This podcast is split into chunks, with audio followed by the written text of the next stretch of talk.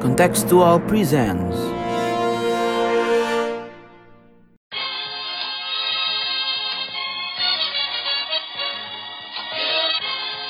sondern wir schaffen uns unseren Staat. Mr. Gorbachev, open this gate. Together, we will make America great again. Sudah cukup bagi kita untuk mengatakan bahwa winter is coming. Selamat datang di podcast Bebas Aktif. Halo, halo para pendengar.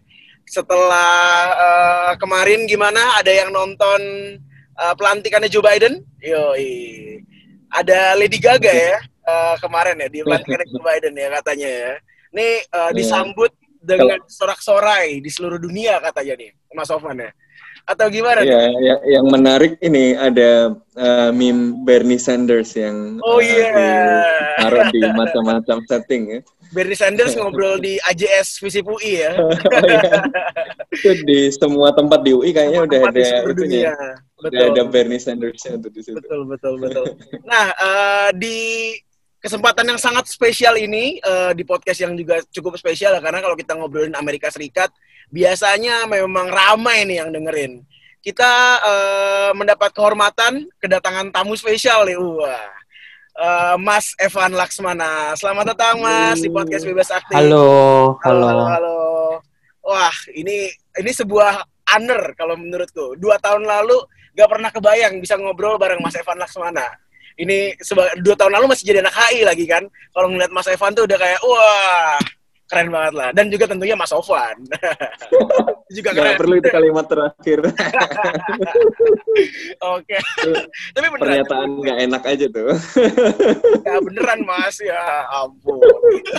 nah, eh, bareng Mas Evan kita bakal ngobrolin soal eh, Joe Biden dan mungkin yang kalian juga bisa baca di judul, kita bakal ngobrolin soal eh, kebijakannya dia di bawah kepemimpinan Amerika, kebijakan Amerika Serikat di bawah kepemimpinan Joe Biden, terutama di wilayah Asia dan pastinya juga di Indonesia. Nah, tapi sebelum itu jangan lupa buat teman-teman follow Instagram dan Twitternya kontekstual di @kontekstualcom. Follow juga nih Spotify kita podcast bebas aktif.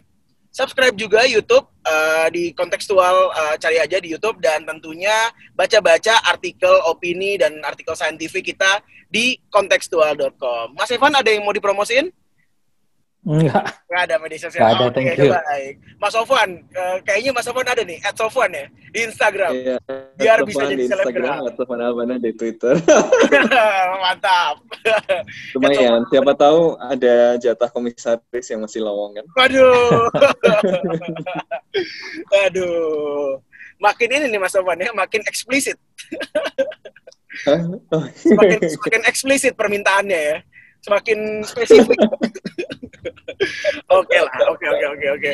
Nih kita langsung masuk aja kali ya ke pembahasan dan mungkin eh, aku mau mulai dari where we left off yaitu di tahun 2015 akhir ya ketika Obama digantikan dengan Donald Trump.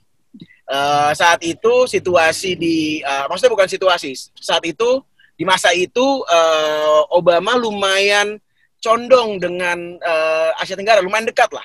Sampai di tahun 2010 bikin kebijakan pivot to Asia. Dan ya dekat lah dengan dengan wilayah kita nih. Terus eh, Trump datang dan mengubah segalanya. Tidak menjadi lebih indah sih tapi. Cuman mengubah lah segalanya. Nah eh, kira-kira di tahun 2021 ini eh, apakah Joe Biden akan eh, memulai kembali eh, gitu eh, hubungan Amerika Serikat secara multilateral ya terutama dengan wilayah eh, wilayah Asia terutama Asia Tenggara dan mungkin Asia Pasifik secara apa secara general mungkin eh, kita bisa ke Mas Evan dulu kali gimana Mas Evan Uh, thank you. Uh, pertama, kayaknya kita juga nggak boleh terlalu melihat uh, masa Obama itu sebagai masa-masa paling indah ya. betul, Uh, betul. karena justru sebetulnya memang secara retorika mungkin uh, ada engagement yang lebih bagus, tapi secara strategi maupun resources sebetulnya di tahun-tahun terakhir Obama juga bermasalah uh, dari persoalan Scarborough Show di Philippines uh, sampai bahwa banyak kepentingan kawasan itu di nomor dua kan demi kepentingan menjaga hubungan baik dan kerjasama dengan Cina, uh, misalnya soal climate change dan seterusnya. Jadi kalau saya sih personally nggak pingin kita kembali ke era persis di era Obama di mana semuanya indah di mulut tapi di uh, perilaku sebenarnya uh, bisa dipertanyakan gitu ya. Jadi di era sekarang uh, kemungkinan juga saya rasa akan ada semacam uh, Obama 2.0 artinya uh, dari segi orang-orangnya, dari segi uh, basic policy-nya mungkin mirip-mirip dengan Obama, tapi dalam konteks uh, ranah strategisnya saya rasa sudah sangat berbeda. Jadi mau nggak mau akan ada uh, sedikit elemen dari Trump yang akan akan terus bertahan, uh, terutama dalam konteks all out competition dengan China uh, saya rasa akan terus bertahan. Jadi uh, kalau kita lihat uh, 2021, saya rasa memang uh, dari segi personel mungkin 60-70 persen uh, bekas orang Obama, tapi dari segi lingkungan saya rasa sudah uh, sudah jauh berbeda. Jadi mau nggak mau akan ada adjustment uh, yang diperlukan uh, di uh, di era sekarang. Tapi kalau boleh jujur melihat uh, perkembangan sebulan terakhir, saya rasa Asia Tenggara nggak terlalu penting uh, di uh, di mata uh, di mata Biden administration. Ah oke okay. kita tahan dulu ya. Berarti kita tahan di Asia Tenggara nggak terlalu penting ya di mata Biden. Nah menurut Mas Sofon gimana Mas? Iya uh, tadi seperti yang disampaikan Mas Evan, uh, zaman Obama juga tentu uh, bukan periode yang ideal dan Trump bukan asal usul masalah di seluruh dunia dan masalah di uh, Asia Tenggara juga dan uh, di Asia Timur secara uh, lebih luas ya. Kita melihat uh, kalau komentar dari apa teman-teman yang uh, terlibat dalam berbagai proses diplomatik di uh, Asia banyak juga yang berkomentar uh, Obama itu doesn't understand power, tapi uh, Trump understand power tapi use it uh, cannot use it uh, effectively gitu ya. Dia tahu bahwa ya berhubungan dengan Cina itu nggak bisa pakai bahasa basi, nggak bisa pakai ini gitu ya. So he understands power, uh, tapi dia nggak bisa meng menggunakan uh, power itu untuk kemudian uh, menciptakan satu strategi yang efektif gitu. Nah Biden uh, mungkin akan kembali kepada uh, model Obama dengan orang-orang yang uh, relatif uh, sama tadi, tetapi uh, apa uh, mungkin juga akan melanjutkan kebijakan Trump yang lebih muscular ya, yang lebih uh, menggunakan power tadi. Nah, cuma kemudian uh, saya kira yang kemudian menjadi catatan adalah uh, benarkah Amerika Serikat uh, bisa memberikan perhatian yang serius pada kawasan uh, apa uh, Asia ya, terutama Asia Tenggara uh, yang hanya merupakan subset dari uh, Indo-Pasifik yang lebih uh, luas gitu kan kalau dalam imajinasi uh, geopolitik yang kemarin didorong oleh Amerika Serikat. Nah, uh, ada beberapa perkembangan seperti dipilihnya uh, Kurt Campbell sebagai salah satu apa orang yang akan dianggap mem memberikan pengaruh pada kebijakan luar negeri Amerika Serikat di uh, kawasan Asia. Uh, ini orang yang dulu me mendorong atau merancang pivot to Asia, tapi juga nggak kejadian gitu. Jadi kita akan lihat apakah ide yang dulu sempat digembar-gemborkan gitu uh, akan kemudian bisa menjadi kenyataan juga di di periode uh, Biden kali ini. Ya waktu itu kan ada banyak faktor ya upaya untuk menarik diri dari uh, hotspot konflik yang sudah menjadi lumpur hidup buat Amerika Serikat di Timur Tengah Afghanistan itu nggak selesai-selesai jadi pivotnya to Asia nggak nggak jalan-jalan dengan uh, optimal. Uh, tantangan lain saya kira buat Biden yang menjanjikan kembalinya Amerika Serikat uh, dalam uh, kepemimpinan global adalah bagaimana dia kemudian akan menghidupkan mekanisme-mekanisme uh, multilateral yang ditinggalkan oleh Amerika Serikat ya uh, pada periode Trump. Seperti salah satu yang paling signifikan barangkali adalah uh, TPP (Trans-Pacific uh, Partnership).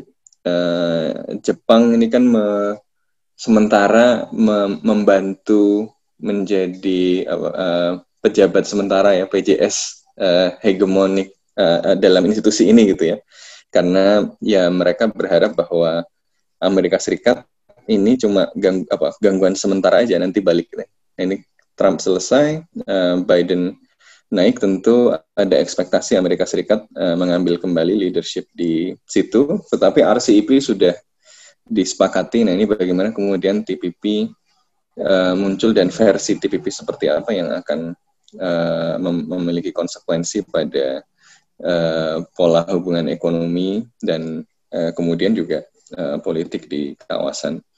Uh, yang lain, saya kira kalau tadi catatan dari Mas Stefan tentang Asia Tenggara tidak dilihat penting, saya kira memang iya ya rasanya Amerika Serikat terutama pada periode Trump ya karena itu di Trump uh, le, apa uh, orangnya apa uh, lebih blunt gitu.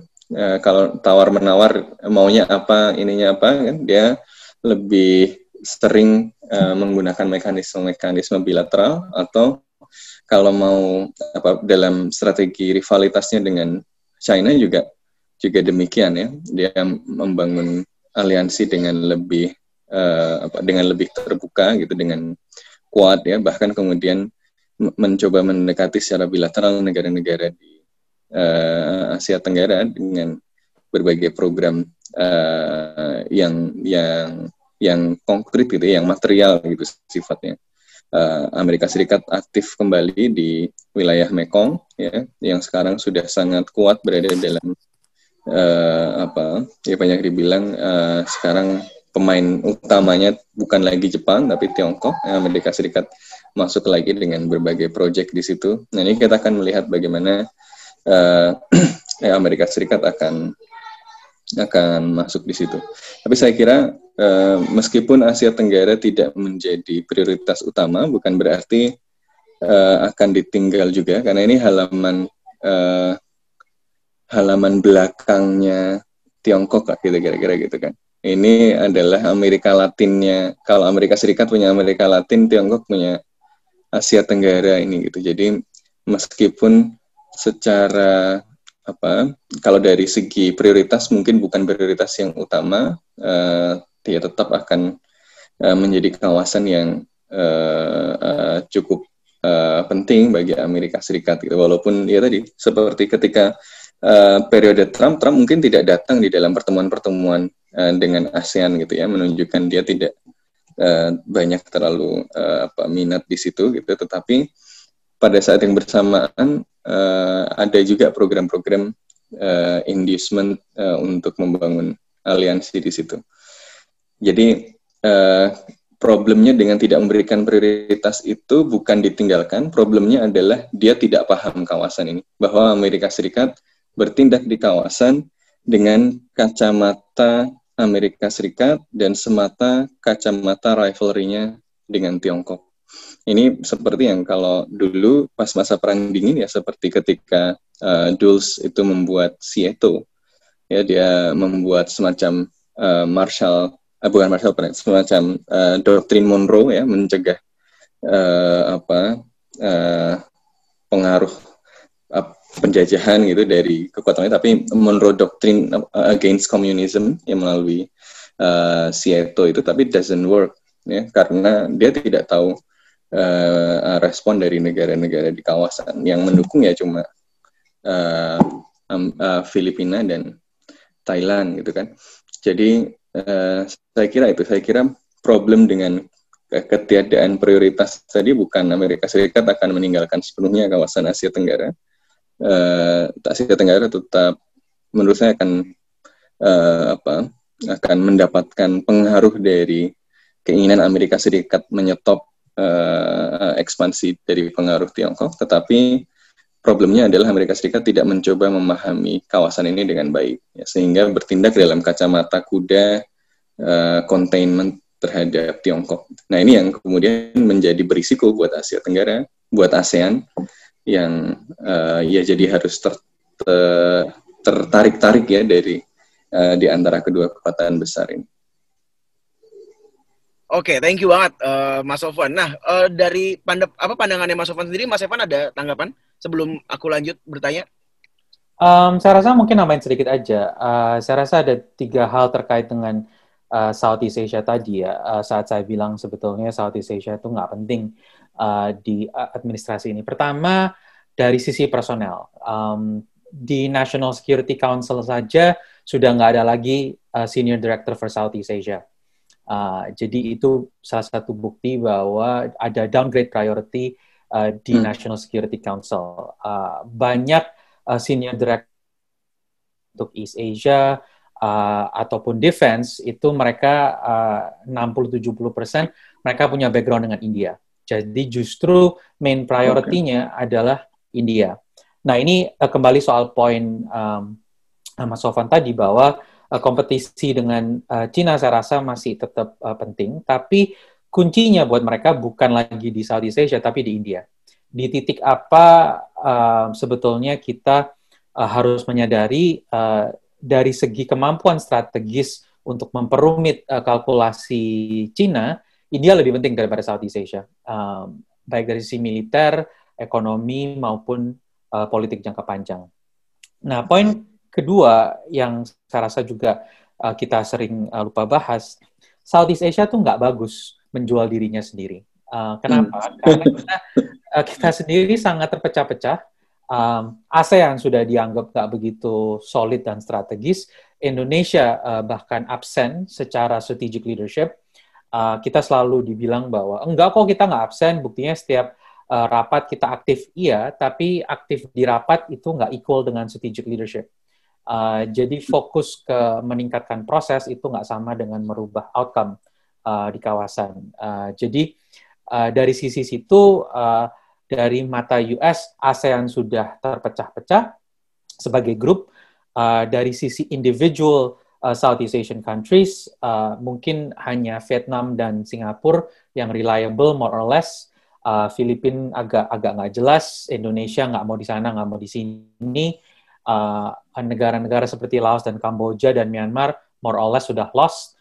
Uh, makanya uh, India menjadi penting karena sebetulnya India itu yang menjadi kunci ke Myanmar juga dan Central Asia. Jadi uh, uh, secara secara strategic bet gitu ya, taruhan strategis, of course lebih menguntungkan untuk kita kita maksudnya uh, dari sisi uh, US-nya untuk uh, berinvestasi ke India. Jadi Southeast Asia secara geopolitik, geoekonomi maupun geostrategi memang objectively penting, tapi uh, fakta geografis nggak membuat aktor strategis. Nah, aktor hmm. strategis itu harus tergantung dari kita yang di kawasan untuk menjadi partner. Harapannya memang uh, uh, uh, rasa kepentingan itu masih ada uh, dari sisi uh, dari sisi US-nya, um, uh, tapi ini sesuatu yang yang uh, kalau dari segi uh, Southeast Asia sendiri nggak berubah, uh, saya rasa uh, value-nya akan akan menurun. Dan terakhir, saya rasa yang juga cukup penting uh, tadi dari sisi ekonomi, uh, kalau kita kembali apa yang Mas Sofan bilang terkait dengan uh, TPP, uh, meskipun TPP itu sebetulnya di bawah Obama, Hillary Clinton dan timnya sebetulnya nggak setuju. Jadi uh, free trade sebagai economic engagement itu sesuatu yang yang sangat uh, divisive di Amerika Uh, bahkan justru sebetulnya agak ironis uh, karena uh, kaum Republikan itu sebenarnya uh, terkenal sebagai uh, uh, supporter of, of free trade. Nah ini makanya uh, saya rasa kalau ada economic engagement kembali ke uh, ke East Asia ataupun ke Indo-Pasifik memang idealnya melalui regional economic uh, engagement projects ya seperti uh, TPP atau mungkin uh, RCEP dan seterusnya. Tapi uh, uh, apa namanya at this point uh, sayangnya memang uh, perahu sudah berjalan ya. Uh, jadi maksudnya apakah memungkinkan US untuk kembali secara ekonomi? Idealnya memang harus lewat uh, Southeast Asia karena baik untuk RCEP, baik untuk TPP, bahkan untuk uh, uh, apa namanya uh, Asian Infrastructure Bank dan seterusnya, uh, kita sebetulnya cukup cukup cukup strategis karena market linknya ada ada di kita. Cuman again uh, fokus masing-masing negara domestik uh, di Asia Tenggara kan bukan regional economic integration, uh, tapi bilateral investment. Nah ini agenda yang berbeda gitu ya. Jadi uh, kalau ditanya apakah uh, rejim sekarang kita di Indonesia misalnya uh, prefer US untuk fokus ke regional economic integration atau invest secara bilateral di Pulau Komodo, pasti jawabannya udah jelas kan gitu kan. Uh, jadi ini saya rasa uh, mengalignkan atau me mencari balance antara regional economic engagement dengan bilateral protectionism di negara-negara Asia Tenggara ini saya rasa yang yang kita belum belum uh, terlalu ketemu formulanya ya. Oke, terima kasih uh, Mas Evan dan ini memang pandangan yang menarik ya karena uh, notion tentang uh, bagaimana free trade uh, menjadi less populer terutama di kalangan Demokrat juga sangat less populer ya di kalangan uh, just apa Demokrat Justice Demokrat ya. Itu memang baru muncul kayak uh, around 2015 ke sini uh, dan menurutku uh, memang ada ada ada keengganan dari sejak Hillary campaign dan dari Biden juga untuk uh, under under apa menegaskan kata-kata kayak perdagangan bebas atau multilateral uh, cooperation based on uh, free trade. Dan uh, tapi yang menjadi penasaran adalah dengan India ini kan uh, ini adalah hal yang baru kalau untuk di mata even IR atau orang-orang uh, non uh, orang-orang HI orang-orang politik itu kan hal yang cukup baru yang ngelihat India dan Amerika Serikat uh, deepening the cooperation karena sel sel biasanya selama ini ya karena uh, formalitas dalam konteks uh, menahan laju Tiongkok yang ada di uh, menjadi tetangga dari India dan mungkin untuk uh, establish the apa uh, kekuatan dan mungkin bahkan kalau di tahun 80-an kita ngelihat gimana US dekat dengan uh, even Pakistan. Jadi kayak kira-kira uh, seperti apa gitu bentuk de kalau memang beneran bisa terjadi ya, seperti apa bentuk kerjasama yang yang favorable buat uh, Biden mungkin di masa kepemimpinannya gitu, Mas Evan? Kalau saya melihatnya memang uh, landasan dari hubungan US-India sekarang sebetulnya memang sudah dimulai dari era Obama. Dari nuclear cooperation sampai um, uh, defense agreement-nya semuanya sebenarnya uh, foundation-nya itu di, disiapkan uh, di era Obama. Di era Trump tetap tetap terus berlangsung dan um, saya nggak tahu uh, by design or not, tapi memang situasi antara India dengan Cina juga memanas, uh, terutama uh, kira-kira setahun sebelum COVID dan uh, jelas uh, saat COVID tahun lalu gitu ya. Jadi uh, selama ini memang yang lebih ingin, yang lebih ada stronger intent memang dari sisi US-nya. Uh, dari sisi India cenderung oke okay lah uh, kita mau lebih dekat, tapi nggak full Um, nah, setelah situasi antara India dengan Cina berubah cukup signifikan dalam 2-3 tahun terakhir, saya rasa push untuk secara lebih serius uh, dari sisi Indianya uh, mulai muncul. Uh, itu makanya dalam uh, dua tahun terakhir, uh, mutual logistic agreement dan segala macam yang terkait dengan uh, kerjasama militer jauh lebih spesifik. Um, jadi, uh, saya rasa nggak akan sampai ke tahap menjadi formal treaty ally. Uh, percuma juga nggak nggak uh, nggak mengubah konten dari hubungan uh, strategis mereka, uh, justru malah nambah uh, domestic political headache. Uh, jadi uh, saya rasa kerjasama yang sekarang lagi dikembangin adalah bahkan sampai ke tahap uh, information sharing uh, yang high level intelligence sekali, termasuk uh, satellite intelligence dan seterusnya. Jadi ada banyak uh, mekanisme kerjasama yang bisa sangat dalam tanpa harus memegang Lain. status uh, formal ally. Itu dari sisi uh, security. Dari sisi Tapi kalau uh, kuat-kuat itu gimana? Itu nah, bukan ini, ini, nah ini yang yang agak rumit karena memang sebetulnya dari sisi uh, formal structure uh, Quad bukan alliance. Uh, bahwa US punya alliance dengan Jepang dan dengan Australia kan nggak menjadikan otomatis Quad uh, menjadi formal alliance seperti era NATO kan? Uh, karena itu kita butuh uh, joint coordination kita butuh headquarters kita butuh joint doctrine segala macam uh, kita masih jauh sekali. Kuat itu saya rasa sekarang lebih di tahap oke okay lah kita punya option ini. Mau diapain? We'll see. Nah tapi of course dengan situasi India dengan Cina berubah uh, setahun dua tahun terakhir uh, kuat mungkin lebih menjadi lebih menjadi di uh, sesuatu yang mereka mau dan siap untuk invest lebih lanjut. Dari sisi ekonomi pun saya rasa kuat pun juga menjadi awal uh, diskusi mengenai decoupling misalnya. Gimana caranya memindahkan bisnis-bisnis uh, keluar dari uh, dari Cina misalnya baik itu dari sisi Jepang, India maupun Australia. Dari sisi infrastruktur, um, apakah ada yang bisa dilakukan mereka untuk uh, menyanyi Belt and Road dan seterusnya. Jadi hmm. saya rasa memang uh, dari empat empat anggota Quad itu sebenarnya yang paling enggan dulu kan India. Uh, tapi dua tahun terakhir ini saya rasa sudah cukup cukup banyak berubah. Jadi kalau ditanya idealnya apa dari sisi US ya, dari sisi US India menjadi uh, the dominant power di South Asia termasuk di Indian Ocean, menjaga kepentingan US juga di Central Asia termasuk Afghanistan uh, sampai ke Myanmar. Uh, sehingga akhirnya mau nggak mau akan memperumit uh, kalkulasi um, uh, Cina.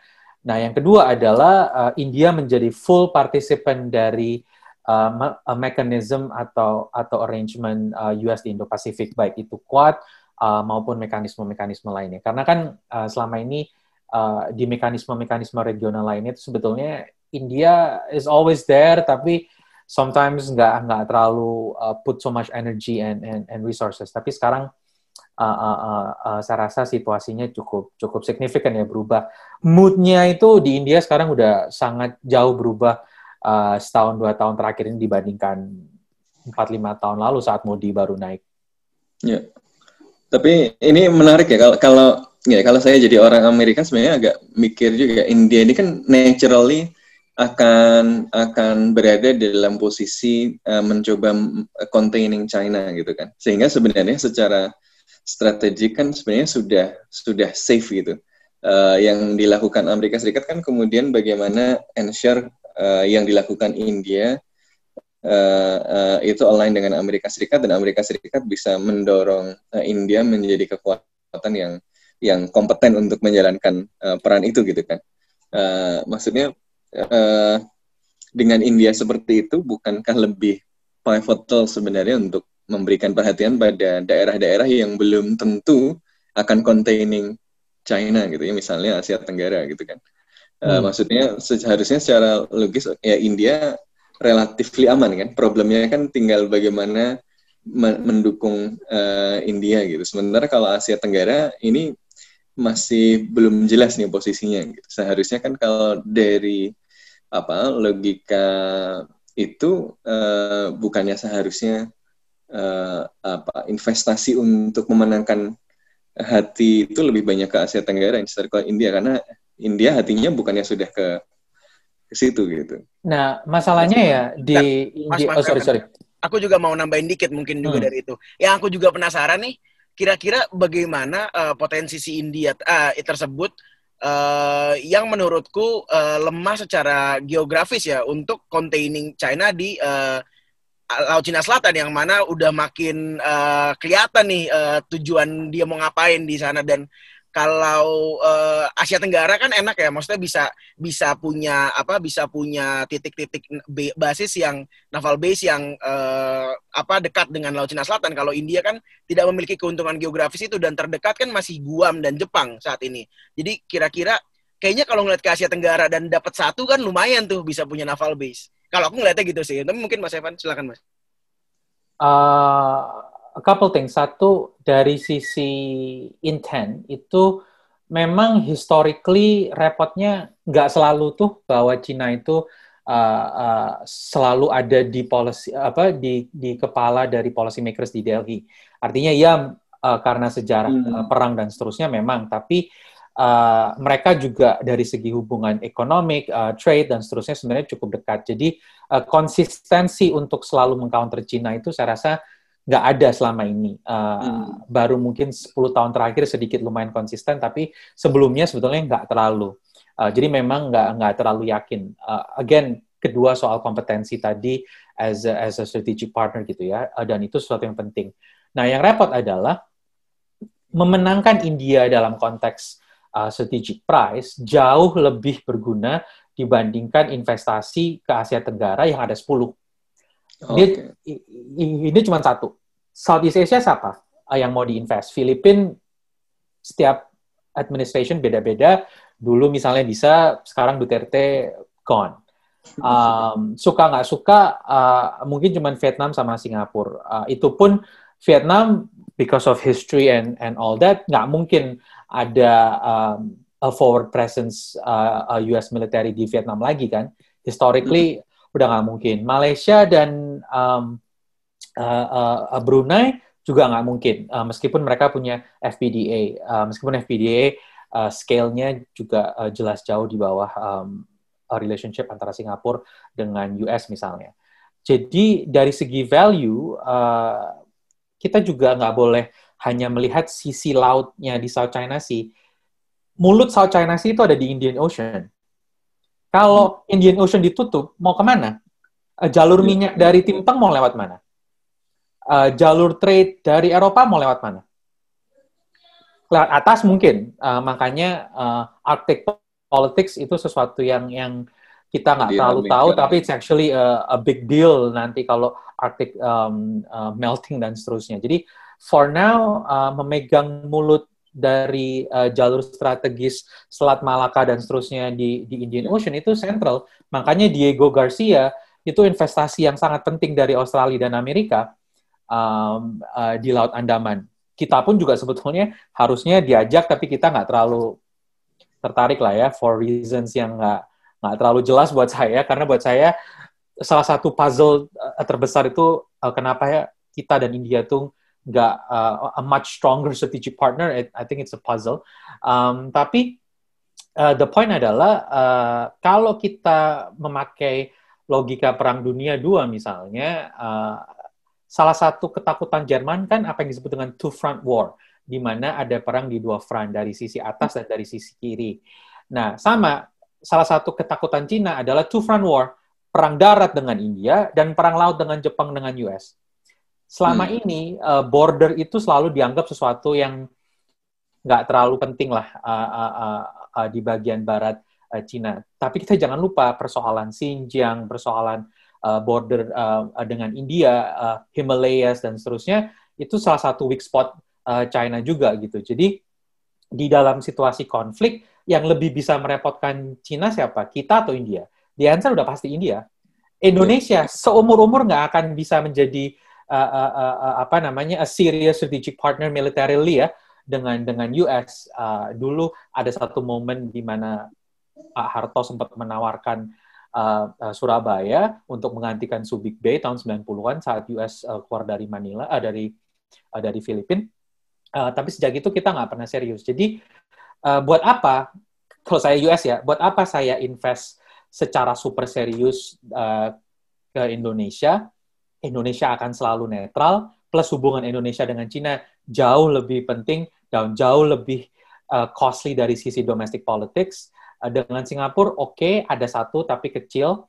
Uh, dengan Vietnam, oke, okay, ada di sana, tapi di sebelahnya ada Thailand dan hubungan Thailand dengan uh, Cina juga sangat kuat, hubungan Cina dengan Laos dan Kamboja udah nggak mungkin digantikan. Karena uh, keuangan dan secara strategis Hun Sen dan seterusnya lebih prefer China jauh karena nggak perlu ada accountability. Ya, provinsi Tiongkok katanya. Iya, yeah. yeah. to some extent bisa dibilang gitu ya. Jadi makanya uh, uh, ya memang secara retorika kita harus harus paham gitu ya dari sisi US kita akan selalu dibilang penting kita at the heart of the Indo-Pacific dan seterusnya tapi kepentingan itu selalu two way street ya nggak bisa dari sisi mereka dari sisi kita apa yang kita bisa offer nah hmm. apa yang kita bisa offer ini satu jawaban yang menurut saya kita selalu menghindari karena kita selalu merasa kita penting uh, kalau di politik luar negeri Indonesia itu kan the old joke adalah bahwa kita tuh gadis cantik yang selalu dikejar kan analogi itu selalu ada di policy makers kita dari dulu sehingga kita tuh nggak pernah merasa harus berbuat apa-apa, diem aja atau yeah, bakal yeah. dikejar. Which I think is a problem karena sekarang kita hidup di era di mana uh, uh, uh, Indonesia dan negara-negara Asia Tenggara itu juga harus step up. Kita juga harus in, invest in resources and do something. Kita nggak bisa hanya berharap uh, akan akan di di dirayu atau di court gitu ya sama US uh, hanya karena uh, mereka butuh kita untuk menghadapi Cina. Strategic ya, equation udah berbeda. Analogi tadi udah nggak berlaku karena sekarang sudah ada aplikasi untuk ca uh, cari jodoh nah. gitu. Tinggal geser-geser banyak sekarang. Oh, ada yang match gitu kan. Uh, jadi jadi wah ini ngapain ke yang susah-susah belum jelas posisinya lagi gitu kan. Mendingan ke yang pasti-pasti. Ya, understandable. Uh, tapi apa berarti konsekuensinya dong buat Asia Tenggara gitu? Apakah berarti Amerika Serikat uh, uh, apa uh, kalau dilihat kondisinya begitu dia akan prefer lebih ke bilateral bilateral uh, cooperations gitu ya dengan negara beberapa negara di Asia Tenggara uh, dan kemudian atau uh, kemudian rely on uh, mitra-mitranya di kawasan Jepang uh, misalnya dengan mendorong apa normalisasi Jepang gitu ya uh, apa membuang penafsiran artikel 9 yang membuat Jepang tidak bisa apa melakukan aktivitas militer gitu. Uh, apakah begitu gitu? Atau kira-kira apa konsekuensinya buat Asia Tenggara nih, uh, Mas Evan? Uh, saya rasa ada dua ya, dari sisi multilateral dalam konteks ASEAN dan dari sisi uh, minilateral dalam konteks negara-negara uh, uh, mungkin antara empat atau lima negara penting. Dari sisi multilateral, ASEAN akan selalu merasa uh, kita selalu berkoar-koar ASEAN centrality dan seterusnya. Uh, dari sisi Washington, uh, mungkin untuk pertama kalinya in about four years, mungkin ada yang uh, menyambut gitu ya, secara retorika paling enggak uh, saya rasa negara-negara um, di kawasan sudah sudah familiar gitu bahwa US mungkin akan akan kembali mendengungkan retorika ASEAN centrality. Tapi selama agenda dari ASEAN itu nggak berubah, artinya kita tetap nggak mau melembagakan East Asia Summit, uh, misalnya kita nggak mau mereview ASEAN Charter, dan seterusnya, saya rasa uh, selama mekanisme-mekanisme nggak berubah, ya yang bisa diberikan US ya hanya retorika aja Uh, hmm. Karena uh, uh, value-nya tanpa ada leadership Indonesia itu sebenarnya value ASEAN itu sangat-sangat kecil kalau dari sisi US sebagai grup ya. Uh, ASEAN sebagai grup itu nggak sama dengan negara-negara uh, Asia Tenggara secara bilateral. Value-nya berbeda. ASEAN sebagai grup itu hanya berguna kalau ada yang mimpin. Kalau nggak ada, percuma. Hmm. Nah, dari sisi minilateral, saya rasa memang Uh, Biden akan mewarisi uh, apa ya rasa aktivisme mungkin atau encourage uh, uh, encourage assertiveness dari Jepang, dari India, Australia, South Korea dan seterusnya. Karena memang uh, di satu sisi uh, uh, behavior Trump dalam empat tahun ini mau nggak mau memaksa negara-negara tersebut untuk mencari postur yang lebih independen. Kita lihat Australia misalnya di defense update mereka tahun lalu, uh, mereka semakin kuat untuk uh, mau siapkan investasi yang besar-besaran buat uh, postur pertahanan yang lebih fleksibel with or without the US. Jadi dari sisi uh, postur strategis negara-negara uh, middle power di kawasan, saya rasa uh, uh, kita nggak bisa kembali ke era di mana mereka hanya mengandalkan uh, security umbrella US. Jadi uh, Jepang Australia, South Korea, uh, uh, India, saya rasa akan akan terus semakin uh, asertif. Investment mereka ke sektor pertahanan juga akan lebih tinggi.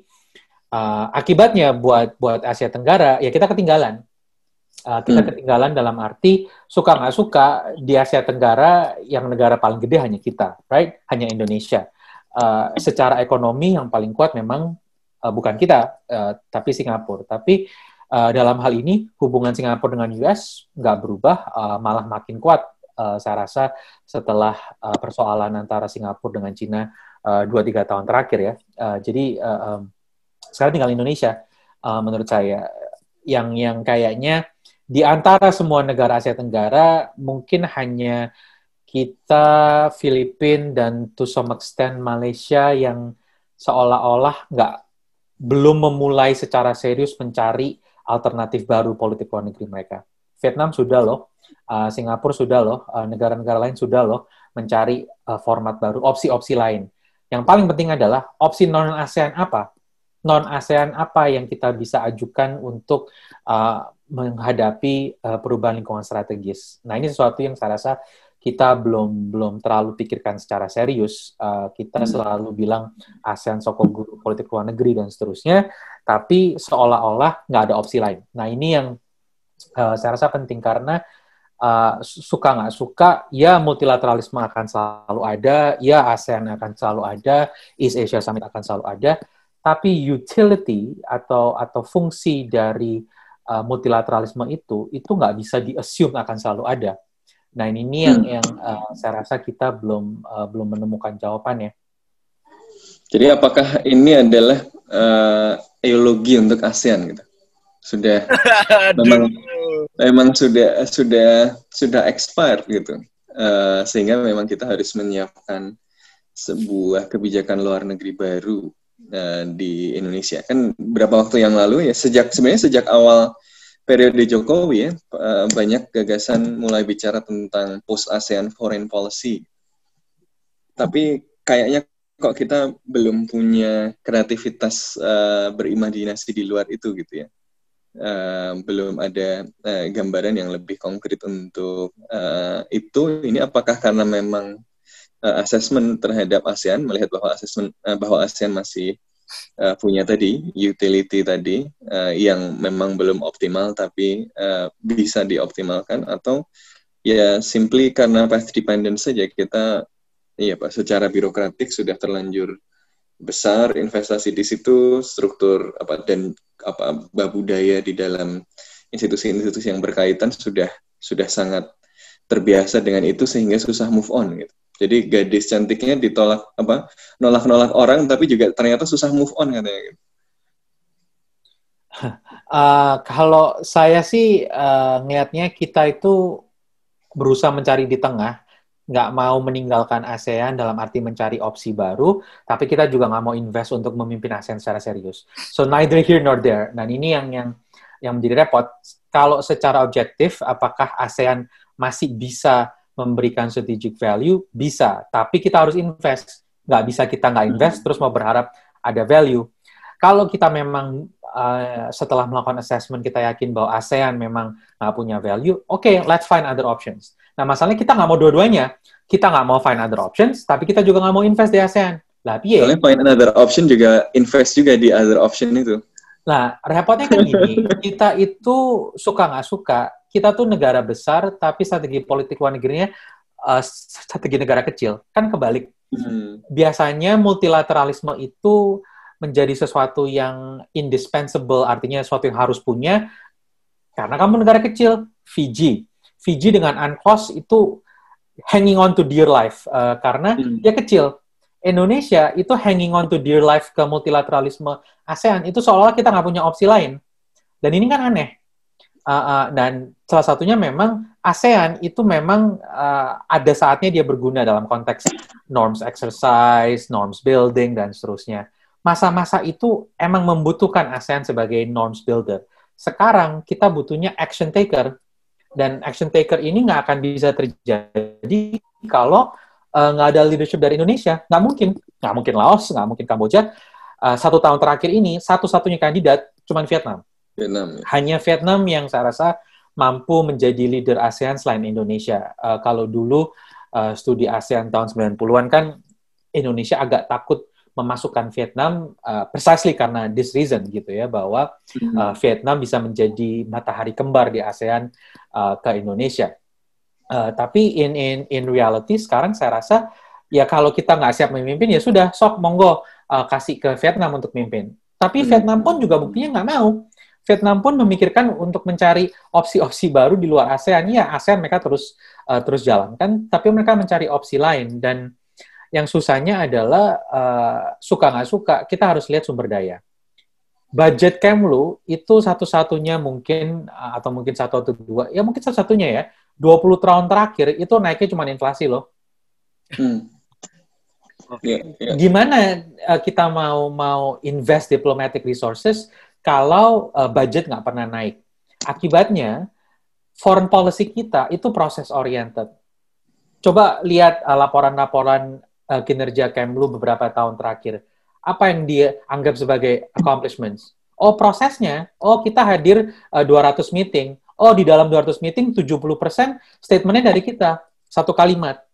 Seolah-olah memasukkan satu kalimat dalam statement itu equal to foreign policy action yang changing outcome. It doesn't. Hmm. Uh, meeting ASEAN aja ada seribu setahun lebih, hampir 2000-an sekarang. Keberhasilan Indonesia memasukkan statement, terus what? Does it change the equation? Apakah yeah, itu yeah, mengubah yeah. perilaku Tiongkok? Apakah itu merubah perilaku India? Enggak juga. Nah, di tengah keterbatasan anggaran, di tengah nggak adanya personal investment dan leadership dari presiden sebagai uh, panglima tertinggi, ya apa boleh buat? harus menjalankan bu roda birokrasi. Roda birokrasi dijalankan artinya kita fokus ke proses. Semakin kita fokus ke proses, yang nggak ada leadership. Hmm. Jadi semuanya berpulang lagi. Gitu ya. Iya, hmm. berpulang ya. lagi ke yang ada sumber daya dan nggak ada leadership. Ya, ya. Mas Sofan ada respons lagi? Udah cukup? Ya, uh, udah, udah. Mau geser nih. Silakan. Habis dulu dong, habis dulu dong. Timur Tengah, karena kan kadang-kadang kalau kita ngomongin Asia kita suka lupa nih bahwa Timur Tengah juga bagian dari Asia. Se sebelum sebelum sampai ke Timur Tengah, ke Asia Selatan dulu tadi, karena kalau Amerika Serikat makin kuat sama India, ini tentu menarik ke musuhnya India di kawasan ya, ah, ya, ya ini boleh, Pakistan boleh. ya kan. Ya, ya. Pakistan ini kan sebenarnya menarik juga posisinya karena dia sebenarnya juga mitra dekat Amerika Serikat kan, terutama dalam menghadapi uh, apa uh, Taliban ya, kemudian menghadapi uh, apa uh, ancaman ekstremisme, ancaman terorisme di kawasan yang masih menjadi salah satu sumber instabilitas tidak hanya di kawasan tapi di seluruh dunia gitu kan. Uh, jadi penting nih sama Pakistan juga. Tapi kalau Amerika Serikat terlalu dekat sama India, Pakistan dan sekarang kan Pakistan memang uh, apa ya sangat mendekat gitu ya dengan Tiongkok. Ini berarti apa nih? Padahal dua-duanya punya nuklir pula gitu. Jadi kon, ada ada konsekuensi juga nih kalau Amerika Serikat uh, apa beneran uh, invest untuk membangun hubungan dengan India. Ini mengelola hubungannya dengan Pakistan dan konsekuensinya pada kawasan juga harus dipikirin gitu kan ya. Uh, karena konsekuensinya juga nanti nggak cuma ke India ya, konsekuensinya kan bisa juga sampai ke kita juga gitu. Kalau uh, Asia Selatan ribut nanti yang dari Afghanistan, yang dari mana-mana sampai ke sini juga kita uh, kena juga itu, Bung Evan. Iya, saya rasa memang uh, uh, extremely complicated ya mencari uh, keseimbangan antara uh, India, Pakistan, Cina dan US di Asia Tengah itu luar biasa rumitnya karena uh, Afghanistan sebetulnya yang bikin situasi lebih rumit kan. Uh, kita saya rasa dalam uh, 15 tahun terakhir mungkin uh, power balance di Afghanistan itu udah berubah udah puluhan kali gitu ya. Uh, hmm. Ada masa di mana Taliban kuat, ada masa di mana Taliban lemah, ada masa di mana uh, Pakistani intelligence itu megang Taliban, ada masa di mana nggak pegang. Nah ini cepat-cepat sekali berubahnya. Jadi memang uh, memang sangat rumit karena intersection dari uh, terorisme dengan dengan great power politics itu sangat sangat kental, terutama karena space-nya kecil sekali, ya kan? Hmm. Antara India, Pakistan, Cina kan sebetulnya space-nya kecil sekali, dan makanya uh, persoalan antara uh, Cina dengan India di Himalayas itu a significant test. Kalau seandainya itu uh, salah satu backdown, persoalan Kashmir akan meledak lagi.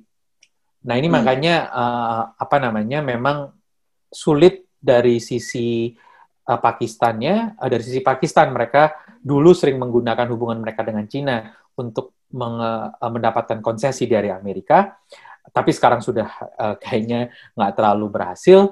Uh, dulu India sempat uh, berseberangan dengan dengan US di Afghanistan karena US mensupport Pakistan waktu itu di Afghanistan. Jadi shiftingnya ini sangat sangat cepat sekali ya.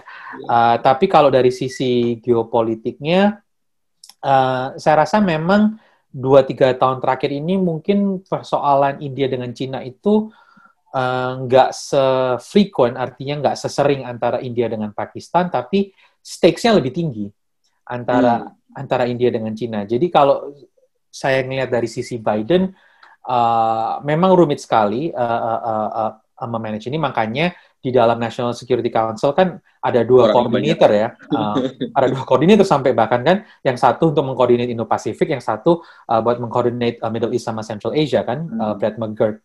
Uh, jadi memang ya ini precisely karena moving piecesnya itu jauh lebih cepat dan jauh lebih banyak di Middle East dan Central Asia dibandingkan uh, di Asia Pasifik. Kalau Asia Pasifik itu agak agak slow moving.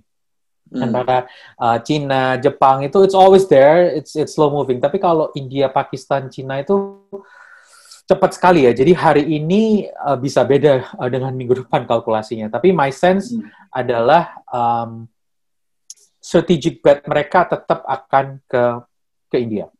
Hmm. Uh, terutama kalau memang whatever peace deal yang uh, US bisa eksekusi in some version uh, dengan Taliban untuk mereka ekstrak dan dan keluar uh, saya rasa at some point akan penting karena uh, persoalan endless wars itu kan masih menjadi isu politik domestik ya di hmm. di, um, uh, di Washington gitu ya. Jadi uh, selama US masih stuck di situ, saya rasa uh, uh, akan akan bet mereka akan lebih ke ke uh, ke India ya. Nah makanya ini uh, apa namanya yang yang repotnya adalah uh, memanage apa yang disebut dengan uh, stability in, uh, stability instability paradox nuklir yaitu bahwa justru meskipun secara nuklir itu stabil, secara perang konvensionalnya justru nggak stabil. Uh, hmm. terutama kalau kita lihat uh, lima tahun terakhir antara India dengan Pakistan gitu ya karena eskalasi itu cepat sekali kan nah makanya uh, saya rasa uh, professional experts and and and policy makers itu harus yang membimbing uh, US strategy di di sana bukan some political appointee yang bekas donor kampanye uh, butuh hmm. butuh beneran orang-orang yang uh, ngerti kawasan dan ini saya rasa stepnya memang mau ke arah situ sih. Hmm. Oke oke oke. Mas Sofan, tangga tanggapan aman? Ya. Oke, okay, siap. Oke, okay. ini mungkin terakhir ya sebelum kita ngomongin uh, Amerika dan Indonesia ya. Uh, di wilayah Timur Tengah uh, saya gue pribadi yang ngelihatnya akan ada tiga poin nih yang lumayan uh, menghiasi uh, masa kepemimpinan Biden. Yang pertama adalah mampukah dia merestorasi uh, Iran nuklir deal yang uh, yang udah diacak-acak ya sama Trump empat uh, tahun ke belakang. Terus uh, kedua soal uh, pemulangan uh, apa tentara di yang bertugas di wilayah Timur Tengah. Apakah apakah ini akan uh, dilanjutkan oleh Biden dan apakah akan ditingkatkan? Maksudnya apakah, apakah akan benar ada retreat Amerika di wilayah itu atau uh, seperti apa? Dan yang terakhir adalah soal uh, normalisasi hubungan dengan negara-negara uh, Arab yang berkaitan dengan Israel. Uh, apakah ini juga akan dilanjutkan atau Biden akan lebih hati-hati dan mempertimbangkan uh, posisi Palestina uh, lebih uh, baik dibanding uh, era Trump kayaknya tiga itu sih kalau menurut uh, gue yang lumayan uh, lumayan rame ya bakal empat tahun ke depan.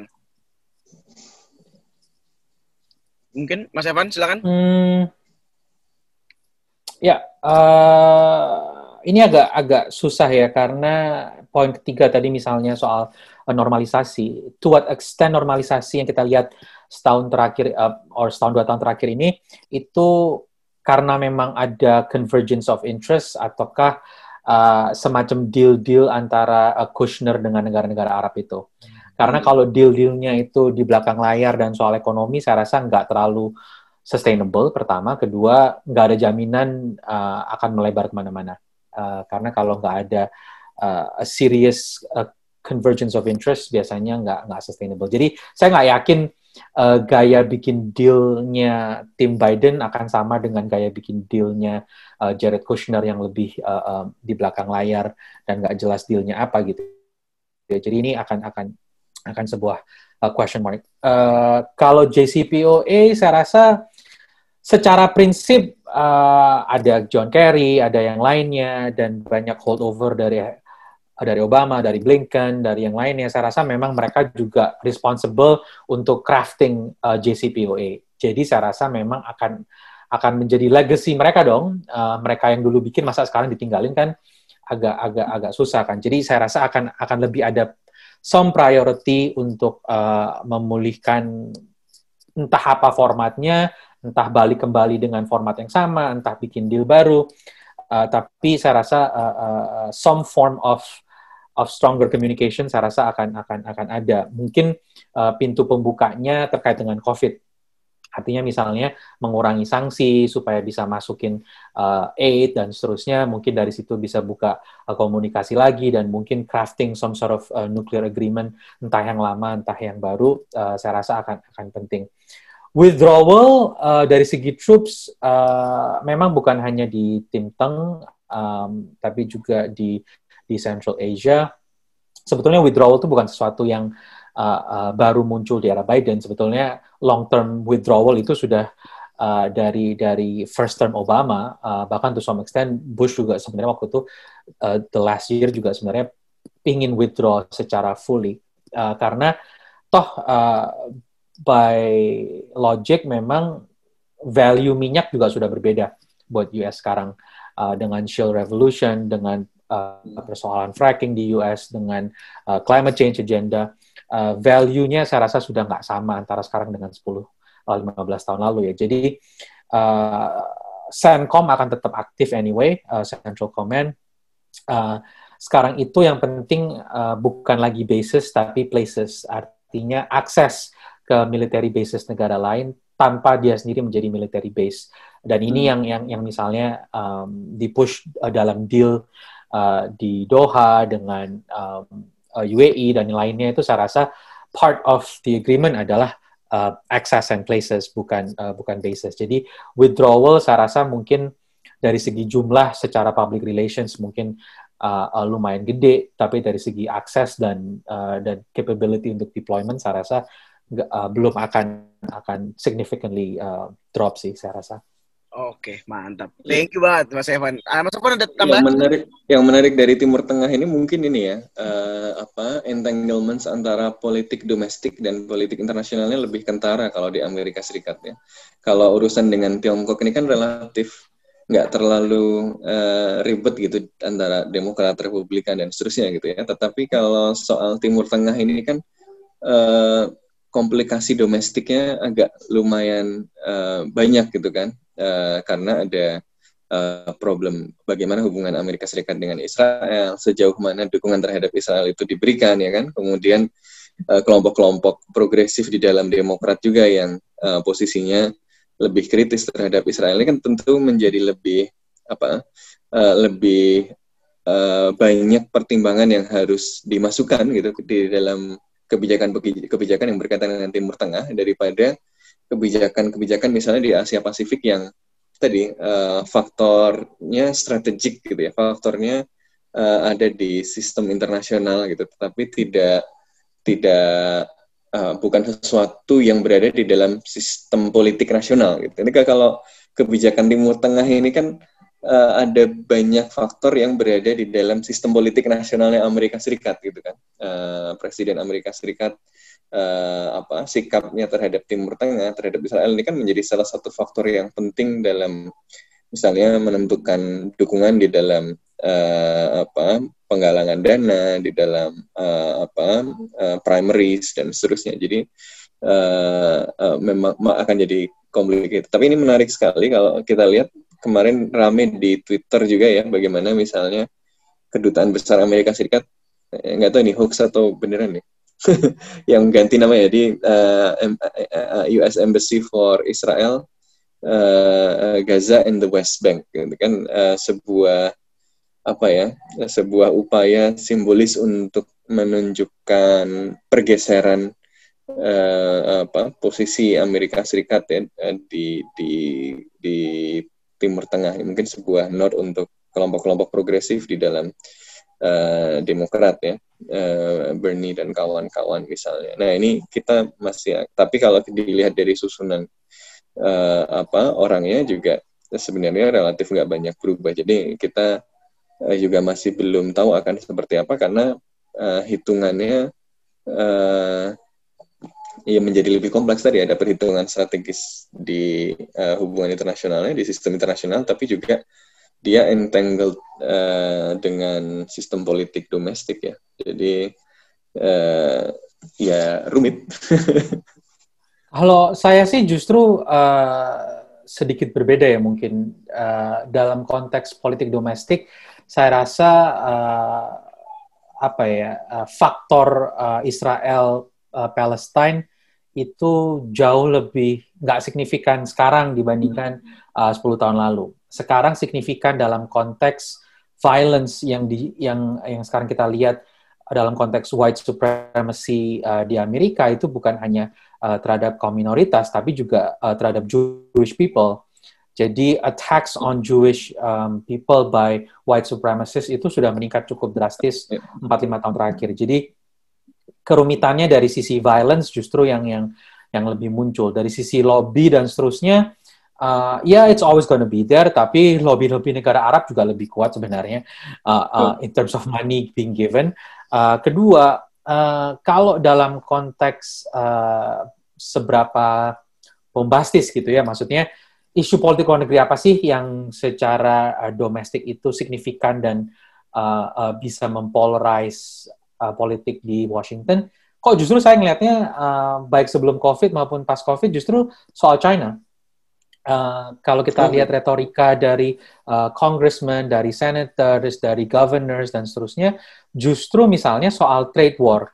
Trade war itu banyak melukai uh, blue collar workers dan farmers misalnya di key states di Amerika. Uh, apa namanya uh, dari sisi uh, labor union dan seterusnya itu a much more significant uh, domestic political uh, uh, uh, force gitu ya. Karena sekarang uh, the Democrats misalnya nggak bakal menang tanpa labor union. Itu historically like that. Um, terus dari sisi rasisme saya rasa juga sangat polarizing. Makanya triknya Trump sebelum sebelum dia kalah kan dia selalu bilangnya sebagai the Chinese virus kan bukan Hmm. bukan COVID kan karena dia tahu bahwa itu yang akan bisa mengubah mood domestik politik.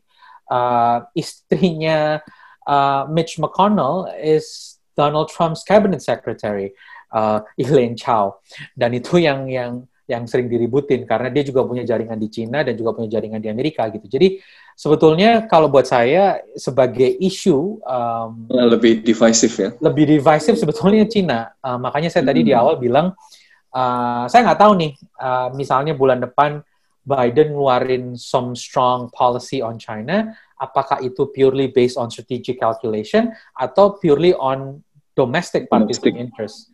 Uh, soalnya sekarang apa ya menjadi semacam litmus test lah. Kalau anda serius soal leadership Amerika, berarti anda harus strong on China. Nah ini Hmm. uh, menjadi uh, uh, uh, sebagai isu domestik saya rasa cukup Ya, cukup ya. signifikan dan yang paling penting adalah sebetulnya Serangan-serangan Trump terhadap Biden begitu juga ya. Begitu Eh, juga. Ini antek Cina gitu. dan itu saya rasa yang bikin dia kalah. Kenapa? Karena Asian Americans itu the largest block of voters uh, now and in the coming years. Uh, white udah mulai menurun sebagai block of voters ya. Asian Americans itu uh, quite significant jumlahnya. Jadi uh, uh, uh, apa namanya uh, sebagai political consideration, sebagai political uh, divisiveness, um, I think China is a much more significant problem ya buat buat Hmm. buat US domestic politics ya. Kalau saya sih ngeliatnya. Oke. Wow. Oke, siap. Baik, ini kita karena udah mau hampir udah sejam bahkan nih kayaknya. Eh, ini kita mau akhiri ya. Tapi sebelum itu kita pasti nanya dong, eh, kira-kira dampaknya nih Joe Biden eh, terpilih jadi presiden buat Indonesia, buat hubungan Indonesia Amerika Serikat dan terutama mungkin kalau kita ngeliat empat tahun ke belakang, em, Trump nggak juga banyak ya, eh, nggak ngelakuin banyak hal dengan Indonesia, bahkan dia nggak ke Indonesia sama sekali, cuman wakilnya doang dan eh, apa Mike Pompeo doang yang datang. Nah, gimana kalau Biden nih, eh, Mas Evan? Kira-kira apa yang akan ada nggak sih perubahan eh, yang terjadi di hubungan Indonesia Amerika Serikat kalau Joe Biden dan akan akan pidato lagi di UI terus ngomong nasi goreng gitu nggak? nah nasi dan goreng mungkin- atau bakso dan mungkin gitu. menarik ya karena eh, Joe Biden pun akan eh, apa berakhir bareng Jokowi berarti kan nggak ada potensi presiden lain nih eh nggak ada potensi pre- ya maksudnya nggak ada Hmm. potensi presiden lain yang akan kerjasama dengan eh, Joe Biden pasti akan Jokowi nah kira-kira gimana tuh Mas Evan? Duet Jojo. ya. Duit Jojo. Eh, saya rasa yang paling pertama sih logistik ya, maksudnya eh, persoalan COVID ya, itu yang yang saya rasa paling penting ya. Eh, karena eh, mengingat usia Joe Biden sebagai presiden tertua, em, agak-agak saya kok nggak terlalu optimis gitu ya di tengah COVID, eh, mereka bakal terbang ke Indonesia, di mana kita sendiri sebenarnya eh, jebol sana sini kan COVID. Jadi kita kan bukan exactly uh, hotspot destination untuk untuk aman dari COVID. Jadi saya nggak yakin lebih uh, karena logistik, bukan bukan karena uh, keinginan ya. Um, kalau melihat dari pilihan-pilihan staf menengahnya di Defense Department, di uh, di State Department, uh, di NSC, bahkan uh, saya baru tahu dua hari lalu uh, dubes Amerika ke Indonesia, uh, Sung Kim, sekarang merangkap acting assistant assistant secretary of state uh, for East Asia and Pacific Affairs. Uh, jadi connection dengan Indonesia saya rasa akan akan selalu ada uh, dan orang-orangnya saya rasa akan akan berusaha mendorong at the highest level uh, baik Jokowi yang ke sana atau mereka ke sini. Tapi saya akan bahagia kalau um, minimal Indonesia dan US kembali menggunakan strategic partnership mereka. Kita punya strategic partnership, kita sign di last year of Obama, tapi kita nggak pernah pakai di era Trump. Hmm. Uh, kayak, uh, karena Trump pasti merasa ngapain gue pakai barangnya Obama gitu kan. Uh, tapi uh, kalau kita bisa kembali uh, ke framework itu yang kita sudah capek negosiasikan dan akhirnya kita punya, sangat sayang kalau nggak dipakai. Uh, jadi buat saya idealnya adalah yuk kita kembali menggunakan itu sebagai benchmark, kita menggunakan itu kira-kira area apa yang kita belum terlalu dalam, mungkin energy, mungkin economics, mungkin something else. Uh, jadi kita nggak perlu reinvent the wheel dalam arti berusaha mencari-cari uh, kerangka baru apa nih buat hubungan AS dengan Amerika, uh, apa dengan udah Indonesia. Ada kerangkanya ya. Kita udah punya, cuman nggak pernah dipakai. Uh, dan kok ya pas kebetulan uh, kita hidup di era rejim yang juga nggak uh, masalah dengan uh, politik luar negeri yang uh, transaksional. Artinya kita fokusnya ke isu-isu yang kecil, GSP lah, trade lah, uh, defisit ataupun uh, counterterrorism, uh, uh, uh, CATSA dalam konteks uh, jual beli senjata. Jadi isu isunya itu selama empat tahun terakhir menurut saya menjadi isu-isu yang sebetulnya uh, transaksional. Kita rangka strategis yang lebih gede, tapi nggak pernah dipakai. Uh, jadi harapan saya sih sebetulnya kalau kita bisa kembali uh, berangkat dan mendalamkan atau uh, atau bahkan memperluas uh, strategic partnership yang kita sudah punya. Justru saya nggak peduli apakah uh, Joe Biden datang, apakah Jokowi ke sana, as long as kita uh, kembali ke strategic partnership. Apa, apa yang bisa dilakukan itu. lewat strategic partnership ini, lewat framework yang sudah ada ini, kalau dalam bayangan Mas Ivan? Sebetulnya ada beberapa hal yang kita bisa lebih uh, perdalam. Dulu misalnya sebagai extension dari strategic partnership, kita punya maritime uh, cooperation partnership yang sebetulnya sudah di set juga uh, dari soal uh, marine environmental cooperation sampai law enforcement itu ada. Uh, dari segi strategic partnership yang lebih luas itu memang didesain uh, kerangkanya itu uh, kalau kita boleh secara sederhana gitu ya. Sebetulnya kan US itu uh, kalah uh, dengan Cina dalam konteks competition di Indonesia di bidang ekonomi, di bidang trade, uh, scholarship, uh, tourism semuanya kan. Tapi yang US punya waktu itu hanya uh, dari sisi security cooperation Artinya security relationship yang nggak uh, uh, uh, uh, uh, bisa digantikan oleh Cina. Nah, ide dari strategic partnership tahun 2015 itu adalah gimana caranya kita nggak hanya punya security cooperation, bahwa kita punya something else. Nah, something else ini yang sebetulnya uh, didesain untuk strategic partnership baik ekonomi, uh, baik energi, bahkan climate change dan seterusnya. Jadi ada banyak uh, uh, agenda sebetulnya yang kita bisa perdalam, yang istilahnya menu lah. Here's the big menu. Tinggal pilih aja yang mana yang mau kita dalamin, yang mana yang mau kita uh, pertajam, yang mana yang kita bisa expand, uh, dan selama itu dijalankan dengan kerangka uh, strategic partnership-nya in mind, maka kita bisa sedikit berharap ada semacam spillover effect dari sisi ekonomi ke sisi pertahanan, dari sisi pertahanan ke sisi energi, dari sisi energi ke sisi environment, dan itu yang yang yang sebetulnya uh, logika dasarnya dulu waktu um, uh, kita mempunyai strategic partnership itu, dan ini yang yang waktu saya uh, tanyakan ke US Embassy, ya mereka admit gitu bahwa memang uh, beberapa tahun terakhir ini nggak nggak terlalu ditekankan strategic partnership. Jadi uh, kalau kita bisa uh, kembali ke strategic partnership, saya rasa itu udah step yang cukup bagus sih. Hmm. Oke, okay. sip, sip, sip, sip. Segitu dulu kali ya, Mas Sofan ya. Udah. Highlight terakhir, highlight terakhir. Gue, gue pengen highlight dari diskusi kita hari ini dari Mas Evan terutama tadi highlight bahwa kadang-kadang kita ini geeran gitu ya, baik Indonesia maupun ASEAN merasa bahwa kita ini dibutuhkan loh sama Amerika Serikat, dibutuhkan sama Cina, dibutuhkan sama siapa-siapa. Jadi kita merasa bahwa tugas kita cuma milih-milih dan menegosiasikan uh, kepentingan mereka aja gitu. Padahal dunia nggak sesederhana itu gitu ya. Uh, tadi kalau apa uh, analogi yang banyak dipakai yang ngomong-ngomong agak apa ya kurang sensitif gender tadi gitu ya.